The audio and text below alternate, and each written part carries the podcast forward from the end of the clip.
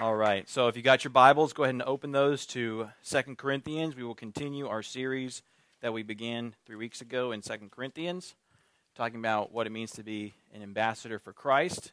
Second Corinthians is right in the middle of your New Testament. Feel free to use your table of contents to find it, um, and we will pick it up. We're going to be in chapter 2, the very end of chapter 1 into the chapter 2. Um, as you're turning there, let me just um, talk to you very briefly. Just do a little housekeeping here. When we sit in these messages, the expectation is that you are using a hard copy Bible, not your phone. And if you do not have a Bible, you can always grab one on your way in. It looks like they've all been taken for the most part. Um, they're always on that back table. If if if still you don't have one, please look on with someone else. All right, we're happy to share our Bibles here, okay, with the people next to us.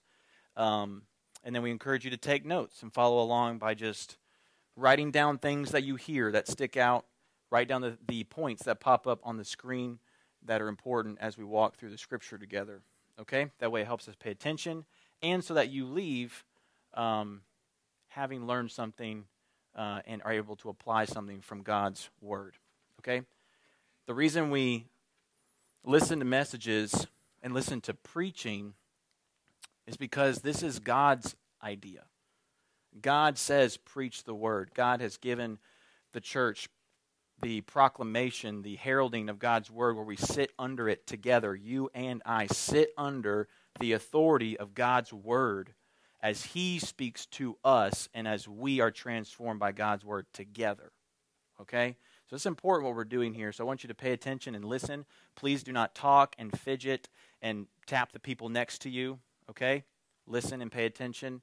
That way you don't distract anybody. All right, let's pray together and we're going to begin our time in chapter 2. Let's pray, ask for God's help. Lord, we are so grateful to be sitting under the Word of God again this week. We know that the Word demands a response from us. We pray that we will be transformed by it to live like Jesus and to look like Jesus and to forgive others like Jesus. And so I ask that you would do this now in Jesus' name. Amen. I used to live in Florida, and Florida gets a lot of hurricanes. Okay. When I was your age, I lived in Florida, middle school and high school. We lived in central Florida. So when a hurricane came through, it didn't matter if it came through on the Gulf or if it came through from the Atlantic, if it went through central Florida, we got hit by it. All right. One year in particular, 2004, I believe, we got hit with three in a row, all within about a couple weeks of each other. Bam, bam, bam. Charley, Frances, and Janine. I still remember the names of the hurricanes Charley, Frances, and Janine. And um, it, was, it was pretty devastating. They all came through Central Florida. And when hurricanes come through, thankfully, the good thing about the Weather Channel is that you can see hurricanes coming and prepare for them. And the Weather Channel loves to prepare you for hurricanes, don't they? They are they are out there acting like it's super windy, you know, like preparing is only like 30 miles an hour when they're out there acting like it's super terrible and they get you ready as the storm is coming so you can prepare for the storm. Well, when a hurricane comes through, inevitably, no matter how you prepare, after it goes through, it leaves a massive mess. I mean, you're talking 100, 120, sometimes 150 mile an hour winds and rain come through an area. It leaves massive devastation, uh, especially if you live on the coast. Right? You can board up your windows. You can buy all the food you need to hunker down. You go to the grocery store, and people are always buying bread and milk, right? That's what we buy when we prepare for storms. We buy bread and milk. I don't know why we're getting bread and milk to, in storms. I've never needed bread and milk at the exact same time, but we get bread and we get milk. We prepare, we hunker down. And no matter how you prepare for the storm, it will still leave devastation behind it. W- roofs got ripped off, um, houses were flooded. Um, some houses on the coast get washed away. Uh, limbs are down, whole trees fall down, power lines fall down, entire electric grids go down in the city, schools get shut down. We lost school for multiple weeks at a time because there was no electricity from these storms, right? It was kind of like a nice vacation, except You didn't have electricity, so it wasn't as cool as it sounds. But it, it leaves a massive devastation behind it. Now, in the Christian life, there's a comparison here to the Christian life. Um, hurricanes, like a storm coming, we can see a storm coming in the church and in our Christian lives when we do not forgive each other. Because when we do not forgive each other, inevitably what happens is we create a massive mess behind us in our own lives, in our church, in our family, in your friendships. It leaves a mess, a devastation behind it. Now, like a hurricane, you can prepare for when someone hurts you and sins against you. You can prepare for those times with being ready to forgive them. But if you're not prepared and you put your feet down and you will hold a grudge and you'll be bitter and you want to hold on to that, which we're all so prone to do, right? We're so prone to be so angry when someone has wronged us. And if we do that, it creates devastation. When we don't forgive each other, it can ruin friendships, it can destroy marriages, it can cause division in church, it can make people leave the church. It leaves a massive mess behind it. Okay, it is truly a storm that brings a lot of damage when unforgiveness is left undone. But we need to be prepared for these times, and we need to know that even in the midst of storms where there's unforgiveness, it's not um, it's not unrepairable damage. That Christ can heal every wound. Christ can heal every unforgiven person and every unforgiven sin. And so there's always redemption for even the most messiest of churches, right? We're so prone to this. So, what I want us to do, our passage is actually about a church dealing with unforgiveness. And it's causing a lot of damage in this church in Corinth. And Paul, who is writing this letter, is very upset about it. Paul is in pain about it, watching them suffer like they're suffering in the church because they won't forgive each other. Right? And it's hard to forgive each other, isn't it? So let's look at let's look at this text together and see uh, the remedy for this problem of unforgiveness that comes into our life and learn how we can forgive one another. I want us to look at our main point and then we'll read our text. Our main point is this forgiveness is the remedy for our pain and a weapon against Satan. Forgiveness is the remedy for pain and a weapon against Satan. Right? And Satan gets brought up at the end of our passage here. So that's why it's in the main point. Let's read together. We're going to begin in uh, verse 123, and then we're going to read through 211. Okay, so pick it up in chapter 1, verse 23, and we'll see this point fleshed out. 123 says, But I call God to witness against me. It was to spare you that I refrained from coming again to Corinth. Not that we lord it over your faith, but we work with you for your joy, for you stand firm in your faith. For I made up my mind not to make another painful visit to you. This is Paul talking. For I cause you, for if I cause you pain, who is there to make me glad but the one whom I pained? And I wrote to you as I did, so that when I came, I might not suffer pain from those who should have made me rejoice. For I felt sure of all of you, that my joy would be the joy of you all. For I wrote to you out of much affliction and anguish of heart and with many tears, not to cause you pain, but to let you know the abundant love that I have for you. Verse 5. Now, if anyone has caused pain, he has caused it not to me, but in some measure, not to put it too severely, to all of you. For such a one, this punishment by the majority is enough. So you should rather turn to forgive and comfort him, or he may be overwhelmed by excessive sorrow. So I beg you to reaffirm your love for him. For this is why I wrote, that I might test you and know whether you are obedient in everything. Anyone whom you forgive, I also forgive. Indeed, what I have forgiven, if I have forgiven anything, has been for your sake in the presence of Christ so that we would not be outwitted by Satan, for we are not ignorant of his designs. Okay. The word pain gets brought up multiple times. Okay, so if you're walking through this, you can circle every time you see the word pain or pained because um, it's pretty prevalent. So, point number one is this unforgiveness hurts and divides. Unforgiveness hurts and divides. This is the problem.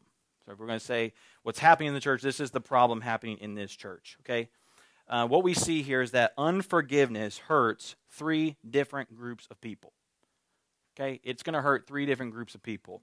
Uh, first, when we have unforgiveness, it hurts those who love you. When you have unforgiveness, it hurts those who love you.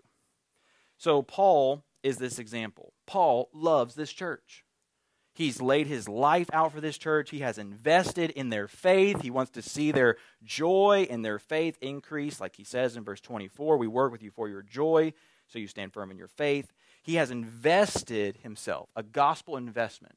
And so when he looks at this church and he sees that they are in pain, that there is unforgiveness happening, and he's looking at this in the church and he is in pain over seeing this. These, this group whom he loves, who he's laid his life out for, he's watching them now repay all of his investment with unforgiveness. And this is breaking Paul's heart. And when you when you have unforgiveness in your life, let's just think of three examples real quick. When you have unforgiveness in your life, when you will hold grudges and not forgive another brother or sister, right, a couple of groups of people. Your parents see that who have invested in you, and they are broken over it. Right? That hurts them, and they're not even a part of it. They just see you. They've invested, obviously, all of their time into you, and they are broken over it. When your Connect group teachers or Sunday school teachers see you in a broken relationship with another brother or sister in Christ and you won't forgive each other, your Connect group teacher feels something because they've put a lot of investment into you. They're broken for you. They kind of feel a sense of responsibility for your faith. Does that make sense? Paul kind of had that sense of responsibility to their faith. Your pastors, when we see you hurting and hurting each other and not forgiving one another. We, me, I feel hurt by you hurting each other. And so do the other pastors of this church. When we see the church hurting one another, not forgiving each other, we are pained because we feel invested in you, in your faith, right? And so we are grieved by seeing that. And so Paul is grieved by seeing that. So just know that unforgiveness always hurts people who love you and are investing in you, never just you. The second group it hurts is the friend or the person that needs the forgiveness. Okay? So the person who has been hurt is obviously hurt by not receiving forgiveness. So in verse 6 and 7, if you were to go all the way down, it says, For such a one, this punishment by the majority is enough. Basically, what happened in this church was there was um, public church discipline for this man's sin, whatever it was. We're not actually told what it was, but they dealt with it as a whole church. They disciplined him publicly in front of a whole church. And they're saying, Isn't that enough sorrow? Paul's saying, Isn't that enough pain for that brother to go through? and now you're adding sorrow, he says in verse 7. Um, he says, turn and forgive and comfort him, or he may be overwhelmed by excessive sorrow. So he's saying it's enough pain for him to already be publicly disciplined, and now he's sorry and repentant, and you won't forgive him and bring him back in. That makes sense? That's a lot of pain. So make this personal for you, okay? So think about a friend who you may have wronged you hurt someone. And you're broken over it. You recognize that you've sinned and hurt them. And you are coming to them and you're trying to make things right. And you desperately want them to forgive you and bring you back into their life, and they won't let you. They're stonewalling you, they're giving you the silent treatment, they are ignoring you at church or at school. That hurts, doesn't it? especially when it's a friend or a family member, someone you love, and you just want to make things right and be back in their life, and they won't let you. That's real pain. That's excessive, overwhelming sorrow. This, uh, this word for in verse 7, overwhelmed by excessive sorrow, it's an idea of drowning. He's saying, for the person who's not receiving forgiveness, it's like they're drowning. It's enough sadness to drown them and crush them. and you know that when someone will not let you back into their life, that is that will crush you. That's like getting crushed by a thousand pounds of major sorrow, major sadness. And so maybe this is you. Maybe maybe you feel this right now. You know how badly you've hurt someone. You know it was sinful. You're trying to make things right. And it's just not really going like you thought it would. They're not letting you back into their life. They're not forgiving you. They're not loving you again. And you just feel kind of stuck. Just want you to know that God sees you, God knows, God is with you. Hope in God because Christ will sustain you and He will carry you. He does understand. And you're not alone because this happens to a lot of us. And if if it hasn't happened to you yet, it will happen to you in the Christian life. I remember this happening to me in high school with a friend. And it's it's a pain unlike any other pain. When you just want to be friends again and it just they just won't let it happen. God knows. Look to Christ, he will sustain you. So it it hurts the person who needs the forgiveness. It also hurts a third group. It hurts the body of Christ. It hurts the whole body of Christ, the church. They're in pain because of the division that has been caused. So if you look at verse 5, it says, Now if anyone has caused pain, he has caused it not to me, Paul says. Not you're not Paul says, not really as much to me, but in some measure, not to put it too severely, to all of you. So he says, You, the church, are actually the ones that are in the real pain not just dealing with the sin, which you had to deal with, but now you're dealing with the, the ripple effect of the sin, which is all the division and the mess and the taking sides that's happening in the church. Real division is happening in the church, and it's hurting the body. So the ones who are really hurting also are the ones who won't forgive. They're the ones that are also hurt by unforgiveness, their own unforgiveness. They're hurting themselves. They're shooting themselves in the foot by refusing to forgive. They're wounding their own faith.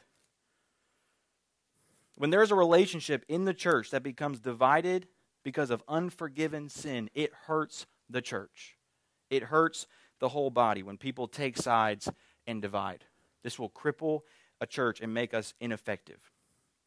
Okay, you know how this works. Here's how this works one person hurts another person, they both have friends.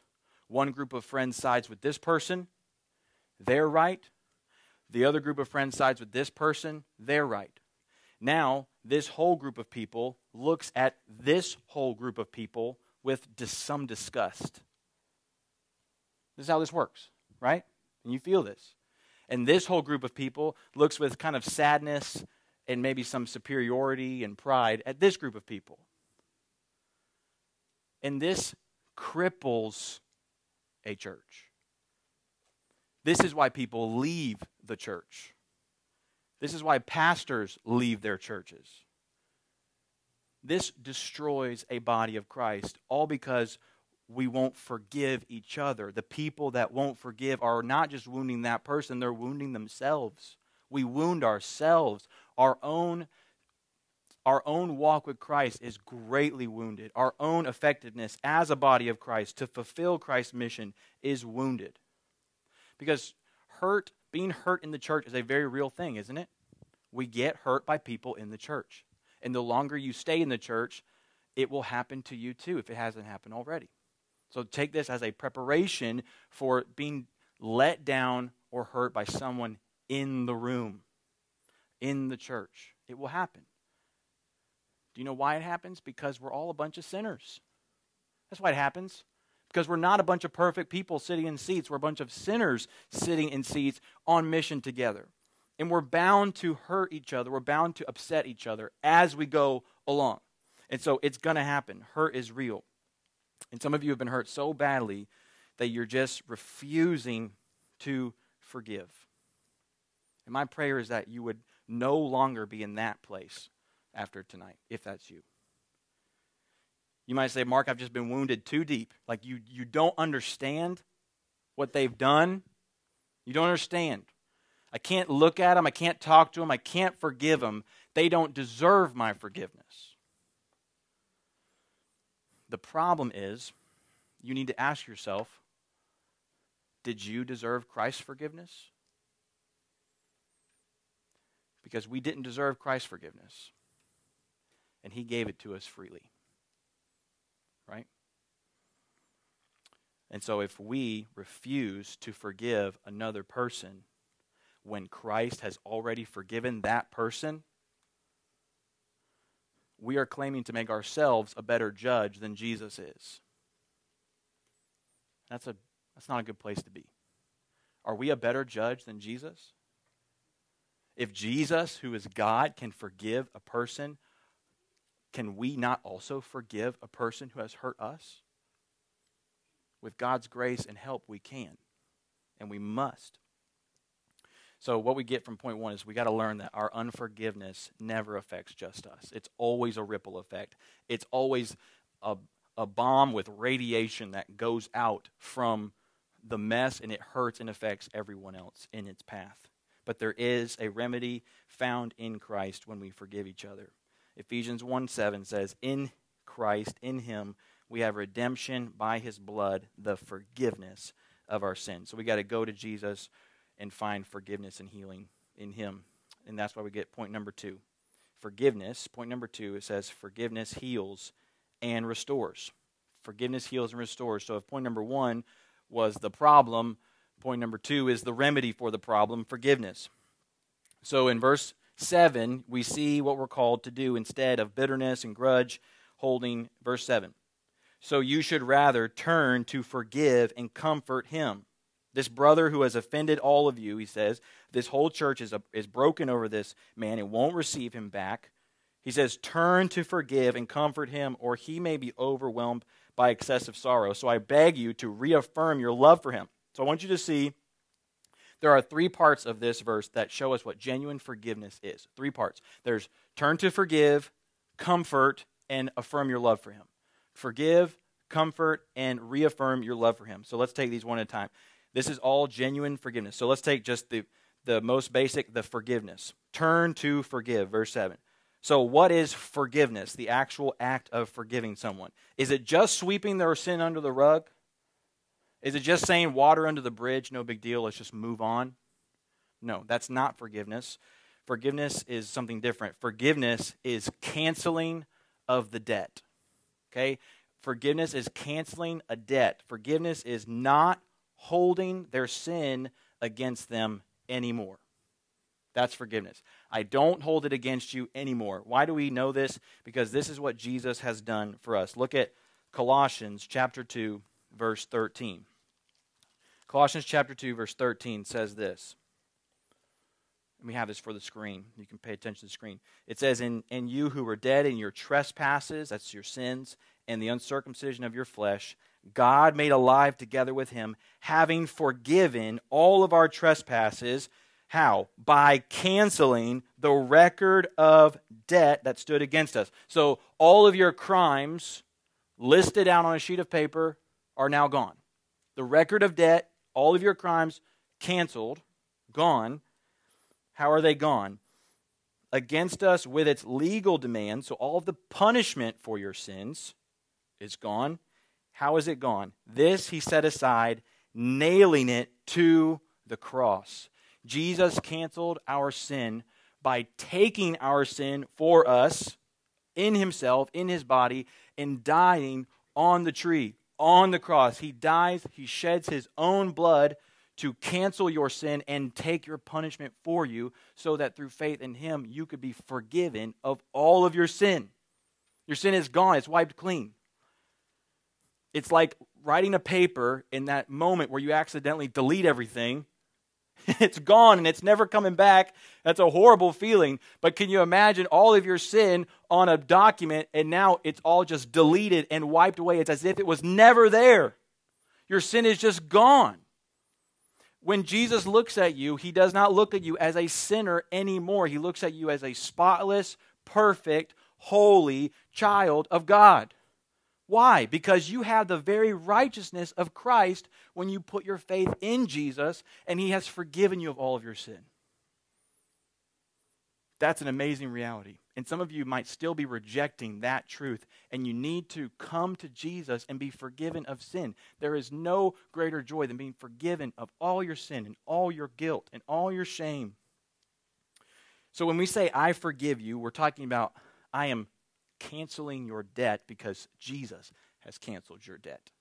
I don't hold it against you because Jesus doesn't hold it against you. Does that make sense? And it is saying to the person, with your heart and with your mouth, I forgive you. So forgiveness happens in the heart first.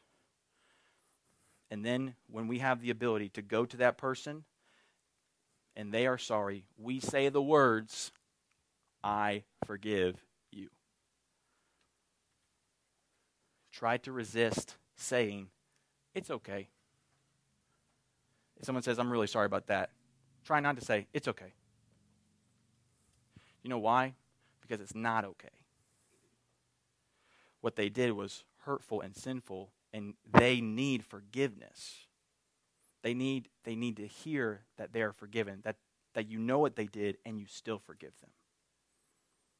Because Christ has forgiven us in the same way. And now we know Jesus' forgiveness. We're now commanded to forgive others. Take a look at Ephesians 4:32. Be kind, tender-hearted, forgiving one another, just as God in Christ forgave you. So you look at Christ's forgiveness, and now you go to other people and forgive them, just as God in Christ has forgiven you. What about this one? Colossians 3:13 says, "If we do not forgive, let me see, let me make sure I say this right. Colossians 3:13.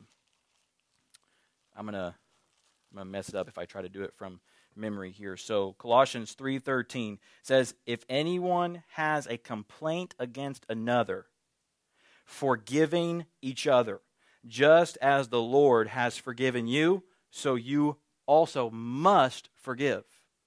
As the Lord has forgiven you, you must forgive. So forgiveness is not like an optional thing in the Christian life. If someone has wronged you, you must forgive because Christ has forgiven you. Jesus really raises the bar in Matthew chapter 6. And he says, If you do not forgive your brother, your Father in heaven will not forgive you. Wow. And we read that verse and we go, Well, I can't, Jesus can't really mean that. Why can't he? That's what he said. That's what it says in Matthew 6 14. And if you forgive your brother, then God your Father will forgive you. What is Jesus saying there? He's saying that how can you receive forgiveness from Jesus, but then not forgive other people? He's saying someone who has truly been saved by the forgiveness of Christ will turn around and forgive other people. So, not only do we forgive, it's canceling the debt. We see here that Paul says we comfort the brother, we comfort the sinner who has hurt us. So, this is the second phase of forgiveness. So we comfort the sinner, verse 7. This is really encouraging them with your words, uh, with your encouragement, with your, your presence. This allows your forgiveness to be felt by the person, not just received by the person, but they feel it because you're with them. It's, this, is, this is with your words, maybe with a hug, maybe with an arm around the shoulder. It's comforting. It's a sense of, I'm not going anywhere, that we're good, our relationship is good. We're still friends. I'm still loyal to you. It's comforting. You're reaffirming that you are for them, that you're friends with them. You're trying to comfort them with your presence. The reason we comfort each other is because Christ doesn't just forgive us, but he comes to be with us. So he doesn't just forgive and walk away, he forgives and he stays with us. That's different, right? Doesn't just cancel, but he cancels the sin and he also stays with us through his Holy Spirit. And so we too comfort one another by forgiving and being with them, showing that we care still about them. And then in verse 8, he says, reaffirm your love for him. So this is the third part of genuine forgiveness is reaffirming that you love them. 1 Peter 4 8 says, Love covers a multitude of sins. When we show our love for them, we show that we are loyal to them. We show that we will still serve them and that we still want the best for them. We still pursue their good. It's hard to pursue someone else's good when they have hurt you and want good for them. But true love, Christ's love, wants good for the other person. And we need to reaffirm them that we still love them. Now, this does not mean that the relationship will always stay the same as it did before. Because in a lot of circumstances, the relationship will not remain the same. If a friendship has been broken, it may never be the same. But you can still forgive that person. You can still want their good. You can still pray for them. You could still serve them. Right? Even if the relationship's never the same. Because you need to reaffirm that you love them and still care about them as a brother or sister in Christ. All of these three things should exist when we forgive each other the forgiving, the comforting, and the reaffirming of our love for each other. All three. The church is where forgiveness can actually happen. Did you realize that? Like, forgiveness in the church should be normal to us. We are the one place where forgiveness actually makes sense because we have a Savior who's forgiven us. Right? We should be the place where forgiveness happens. It should be the air we breathe. Forgiving each other should be as normal to us as Christians as reading our Bibles and praying. It should be normal to us. It is the practice of the Christian life where we offend one another and forgive each other, and offend and forgive, and offend and forgive. And we just keep doing this over and over again. And the watching world looks at this and goes, What, what is happening? That does not make any sense. But it's a picture of the gospel. When the church forgives each other, the gospel is displayed in us. When you forgive a brother or sister, the gospel is displayed in your life. Because Christians Christians are not part of can- cancel culture, which exists around us every single day. We Christians do not cancel each other, we forgive each other. We keep each other around. The world is saying if someone is ruining your life, you got to get rid of them. You got to get you got to get them out of your life. No. Christians forgive each other. We reaffirm our love for each other we comfort each other. And we're able to forgive the worst in others because Christ has forgiven the worst in us. So not only do we see forgiveness as a healing and a restoration, but point number three forgiveness attacks and resists the devil.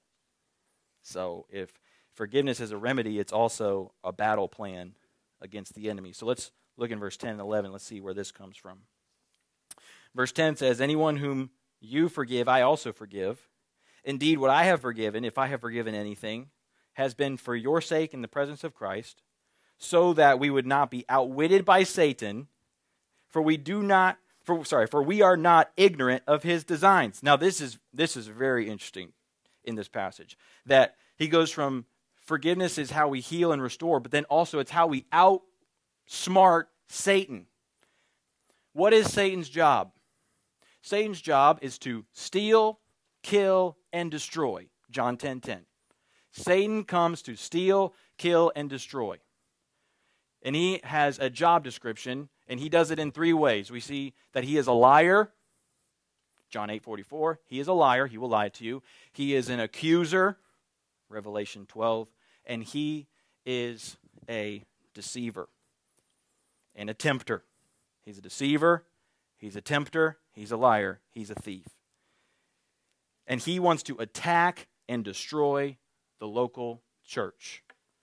He wants us to be ineffective. He wants us not to share the gospel. He wants your family to be ruined and in disrepair. He wants your, your, um, your parents to be in trouble. He wants your friendships to go away. He hates you. He's not your friend. He hates you and he wants to destroy you. And he wants to do it through convincing you and tempting you that you should withhold forgiveness to another brother or sister. It is actually one of his schemes and plans to get his foot into the church. And Ephesians 4:27 says we give no opportunity for the devil. We need to get get all opportunities out of our life for the devil to have his way. Take him off life support. Okay, so I compare this to leaving the door cracked open for Satan is like keeping a Komodo dragon as a pet in your house. Okay? So I have a picture of a Komodo dragon. You should know what a Komodo dragon is, okay? Now, that is a beast right there, okay? They have uh, Komodo dragons one at the Richmond Zoo. Okay. Our, our little zoo has one of these. Pretty cool. So if you keep that as a pet in your home, you are stupid. Let me tell you why. Let me tell you why. This is from a website uh, about Komodo dragons. Here you go. The world's largest lizard has a ferocious bite that injects venom into their victim, sending them into a state of shock as the venom speeds up blood loss, decreases blood pressure, causes massive bleeding, and prevents the wound from clotting. These events weaken and incapacitate victims, including humans, hindering them from fighting back. Komodo's venom can kill an adult human within hours. Oh, that sounds. You don't want that as a pet, okay? And they dig up human graves. Thank you. See, now we definitely don't want them, okay? Listen, if you were to keep this animal which can kill you in the moment of a few hours with venom, with some spit in its bite. All right? If you had it in your house, you wouldn't stay in your house.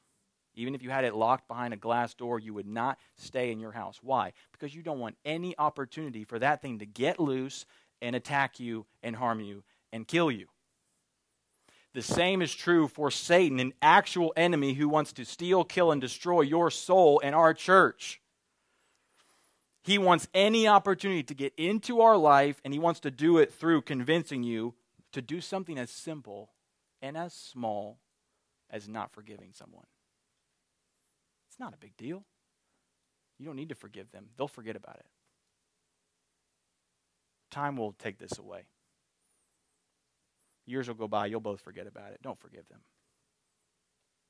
All it takes is just a little lie, a little deception and you know what you'll do? You'll feel bitter. You'll feel like you have a grudge. And then Satan comes in with his accusing his accusing part and he'll say, "Wow, that bitterness is pretty ungodly. Are you sure you're a Christian for holding bitterness like that? You sure you're actually saved?" So then you have all these confusing emotions. Satan's lying to you, tempting you, and accusing you because he wants to steal, kill, and destroy you and, he, and our church. And he says we must not be ignorant of his designs. We don't need to be outsmarted. We need to be aware. You have an enemy. Do you know your enemy? Do you know how he attacks? Be aware of Satan and what he does. Study him. Know the places where you are tempted to sin and run away from those places. Know the people who are tempted to drag you into sin and resist participating in what they do. Don't put yourself in those compromising situations. Know how your enemy wants to steal, kill, and destroy you. We need to resist the enemy because Satan's fast track for stopping the mission of the church is to get us to just not forgive each other. And if he can get us to not forgive each other, then we will not fulfill the Great Commission like we ought, and we will be a stumbling block to a community, and they'll look at us, and what we will actually be to them is basically just like a shiny graveyard. We'll be like a really squeaky clean graveyard if we won't forgive each other and there's all this division. We might look really clean and put together, but inside we're just dead and full of division and ineffective for Christ all because we won't forgive our brother from our heart. This should not be so. So we can resist the devil in this way. How? By simply forgiving each other. Not by not by not by resisting the person, but by going to the person who you have wronged and forgiving them, or who has wronged you and forgiving them. Now, what would that look like? Here's, here's what that would look like very quickly. How do you do this?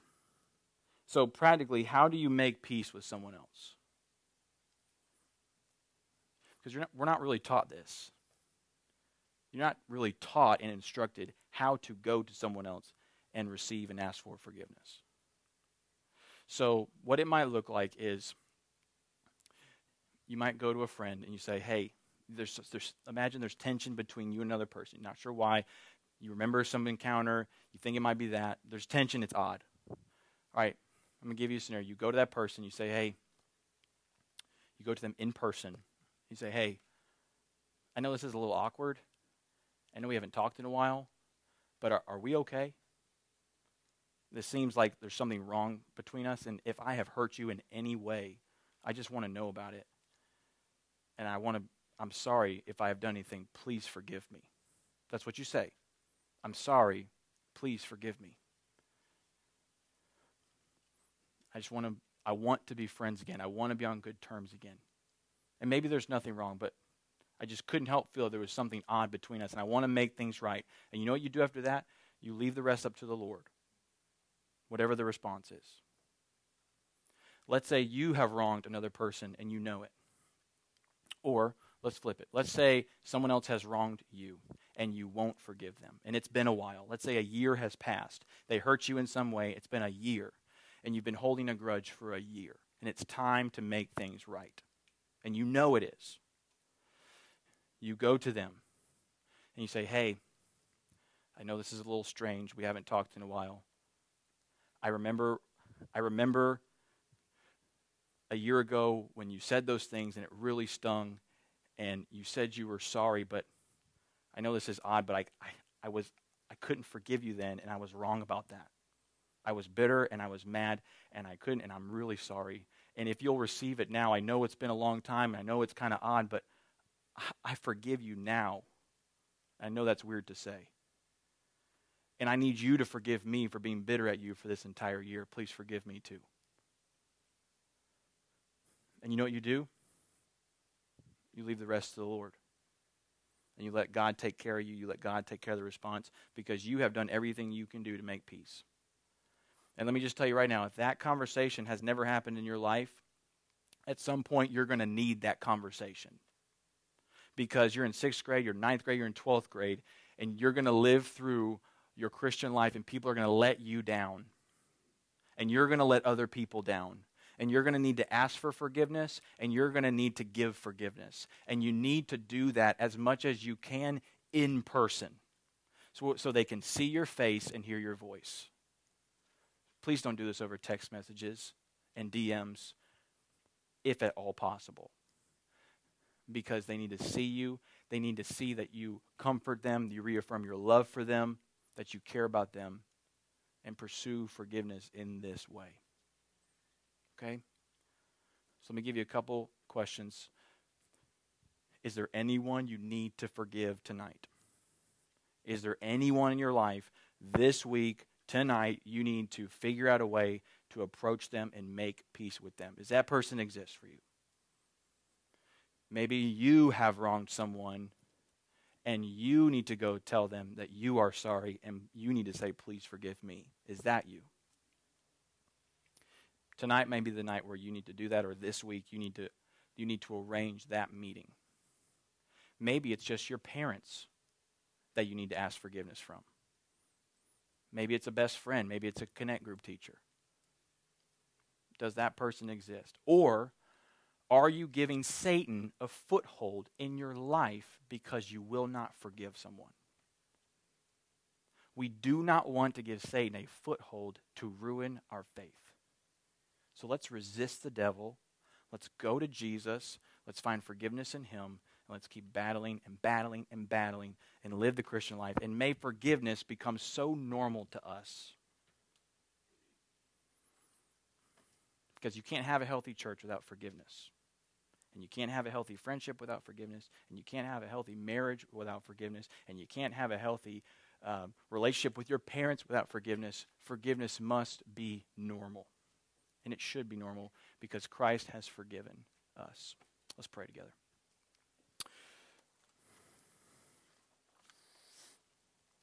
Lord Jesus, we pray that you would help us to understand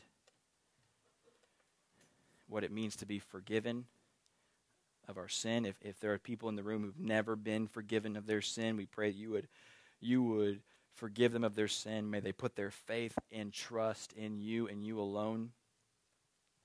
We pray for those who need to make things right with another friend, another family member, that they would not delay in doing that, but they would go to them and that the foothold of Satan would flee from us. God, that Satan actually flees from us when we resist him. James 4 7. Resist the devil, he will flee from you. So help us to resist him by forgiving each other. God, I pray you'd make this room a holy place, holy believers, forgiving and being forgiven, just like Christ has forgiven us. We pray these things in Jesus' name. Amen.